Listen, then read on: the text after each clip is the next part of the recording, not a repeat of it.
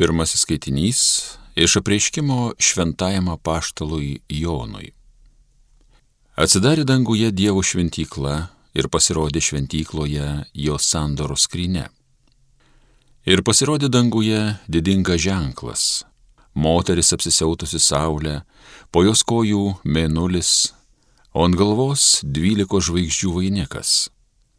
Pasirodė ir kitas ženklas danguje Tai milžiniškas ugnespalvis libinas su septyniomis galvomis, su dešimčia ragų ir su septyniomis diademomis ant galvų. Jo udega nušlavė trečdalį dangaus žvaigždžių ir nužėrė jas žemėn. Slibinas tykodamas sustojo priešais moterį, kad jai pagimdžius prarytų kūdikį. Ir ji pagimdė sūnų, berniuką, kuriam skirta ganyti visas tautas geležinė lasda Kūdikis buvo paimtas pas Dievą prie jo sosto, o moteris pabėgo į dykumą, kur buvo jai Dievo paruošta būstinė. Aš girdėjau galingą balsą danguje, kuris sakė, dabar atėjo mūsų Dievo išganimas, galybė, karalystė ir jo mesijo valdžia. Tai Dievo žodis.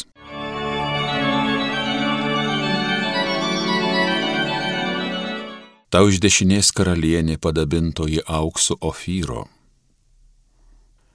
Tarp tavo didžiūnų yra karalaičių, tau iš dešinės karalienė padabintoji auksu Ofyro. Tau iš dešinės karalienė padabintoji auksu Ofyro. Pasiklausykit dukrelę, pažvelkit čionai, atkreipk savo ausį, pamiršk savo tautą ir tėviškę savo. Valdovui to meili gražuolė, bet jis tavo viešpats pagarbink parpuolus. Tau iš dešinės karalienė padabintoji auksu Ofyro. Eidamos jos džiūgauja krykščia, į valdovo rūmus mat žengia. Tau iš dešinės karalienė padabintoji auksu Ofyro.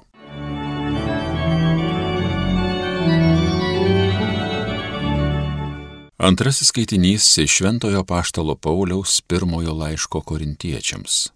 Broliai. Kristus tikrai yra prikeltas iš numirusių, kaip pirmgimis iš užmigusiųjų. Kaip per žmogų atsirado mirtis, taip per žmogų ir mirusiųjų prisikėlimas. Kai padome visi miršta, taip Kristuje visi bus atgaivinti, tačiau kiekvienas pagal savo eilę. Pirmasis bus Kristus, tada priklausantys Kristui jo ateimo metu.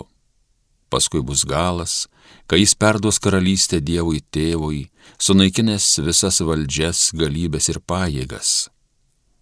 Jisgi turi karaliauti ir paguldyti po savo kojomis visus priešus, kai paskutinis priešas bus sunaikinta mirtis, nes jis visą pajungė ir paklojo jam po kojų.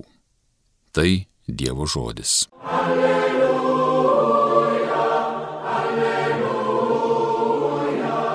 alleluja. Marija paimta į dangų, džiaugias angelų kariuomenė.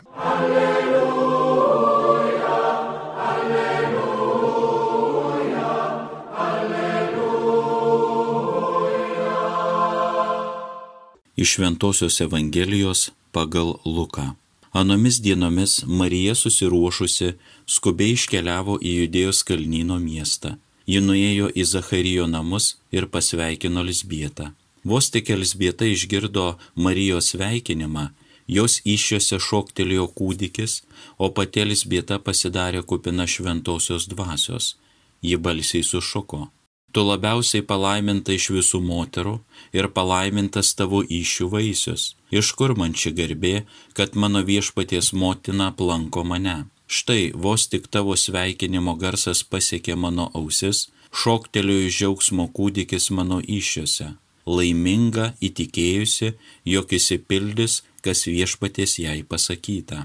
O Marija prabilo, mano siela šlovina viešpati, Mano dvasia džiaugiasi Dievu savo gelbėtoju, nes jis pažvelgia į savo nuolankę tarnaitę. Štai nuo dabar palaiminta mane vadins visos kartos, nes didžių dalykų padarė man visagalis ir šventas yra jo vardas. Jis maloningas iš kartos į kartą tiems, kurie jo klauso.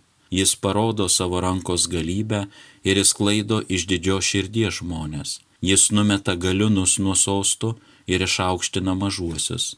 Alkstančius gerybėmis apdovanoja, turtulius tuščiomis paleidžia. Jis ištiesė pagalbos ranką savo tarnui Izraeliui, kad minėtų jo gailestingumą, kai buvo žadėjęs mūsų protėviams, Abraomui ir jo palikonims per amžius. Marija prabuvo pas Elsbietą apie tris mėnesius, o paskui sugrįžo į savo namus. Tai viešpatie žodis.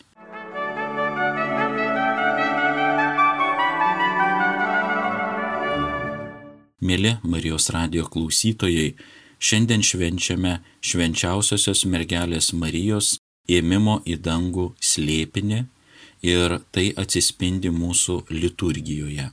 Rytų krikščionių malda šiai liturginiai iškilmiai skiria tokią maldos eilutę. Koks nuostabus stebuklas. Gyvybė šaltinis yra kape ir karstas yra kopečios į dangų. Kristaus bažnyčia džiaugsmingai šlovina švenčiausiosios Dievo motinos ėmimo į dangų slėpinį, šį džiaugsmą savo gesmėse aiškindama tuo, kad jos karstas mums ne tik neatspindėjo ir neatspindi nieko baisaus ir niuraus, bet priešingai, mums tai yra kopečios, kuriomis galime pakilti dangų.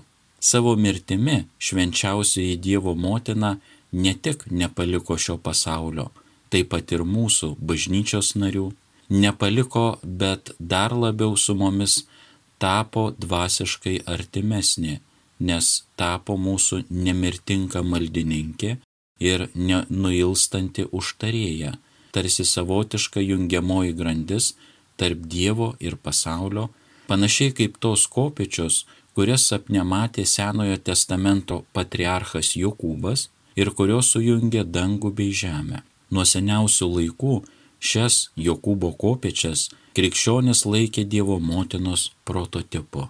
Tyriausia Dievo motina vadinama kopečiomis į dangų dvigubą prasme.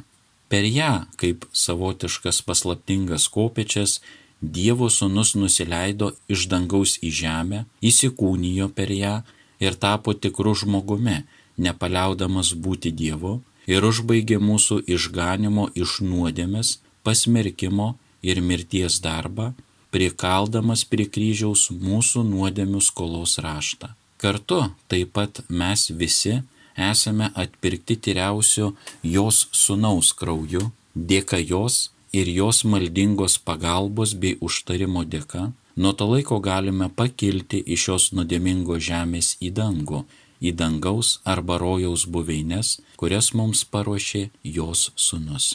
Dievo motinos kapas, vis dar esantis iki šių dienų Getsemanė sode, pasitarnauja iki šiol kaip didžiausios pagarbos objektas, nors dabar yra tuščias, jos kūno jame nėra. Senovės tradicija sako, kad iš jos gimęs Dievo sūnus, suteikęs jai ypatingą garbę kaip savo motinai, jau trečią dieną po jos užmygimo, tai yra mirties, prikėlė ją ir kartu su kūnu pasiemė į savo dangiškasias buveines, kuri nuo to momento arba tos akimirkos nepaliaujamai meldžiasi už mus visus nusidėlius, kaip tikra mūsų motina, maldaujanti už mus savo sūnų ir Dievą. Štai kodėl ši švenčiausiosios mergelės Marijos ėmimo į dangų liturginė iškilmė mums tokia brangi ir džiugi. Ir todėl, džiaugdamasi šią iškilmę, šventoji bažnyčia gėda. Ėmimo į dangų metu Dievo motina, tu nepalikai pasaulio, atsidūrėjai prie gyvenimo, gyvybės versmės, tai yra paties viešpaties gyvybės davėjo ir savo maldomis išlaisvinanti mūsų sielas nuo mirties.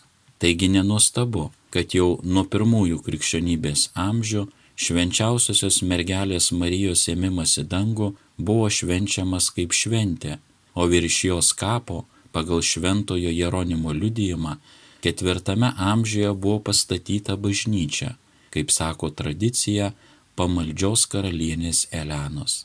Nuo to laiko daugybė krikščionių bažnyčių buvo ir iki šiol yra paskirtos švenčiausiosios mergelės Marijos ėmimo į dangų, o būtent šią šventę daugelis vadino ir tebe vadina Dievo motinos Velykomis ir netgi buvo specialios dieviškos liturgijos apėgos, primenančios didįjį šeštadienį - Velykų vigiliją. Apmastydami ir medituodami Marijos ėmimą į dangų su siela ir kūnų slėpinė, prisiminkime pranašo Elijo ėmimą į dangų. Prieš jo išnykimą ugnies vežime jaunasis pranašo mokinys Eliziejus arba Eliša prašė paveldėti du trešdalius jo dvasios, o mes išdrįskime Mariją, savo motiną ir mokytoją, prašyti dar daugiau. Te būna mums duota visa tavo dvasia, o motina. Te būna mums duotas tavo tikėjimas, tavo viltis ir tavo meilė. Te būna mums duotas tavo kuklumas ir paprastumas. Te būna mums duota tavoji Dievo meilė. Šventasis Ambraziejus prideda, kiekviename mūsų Marijos siela te šlovina viešpati, kiekviename mūsų Marijos siela tesidžiaugia Dievu. Amen.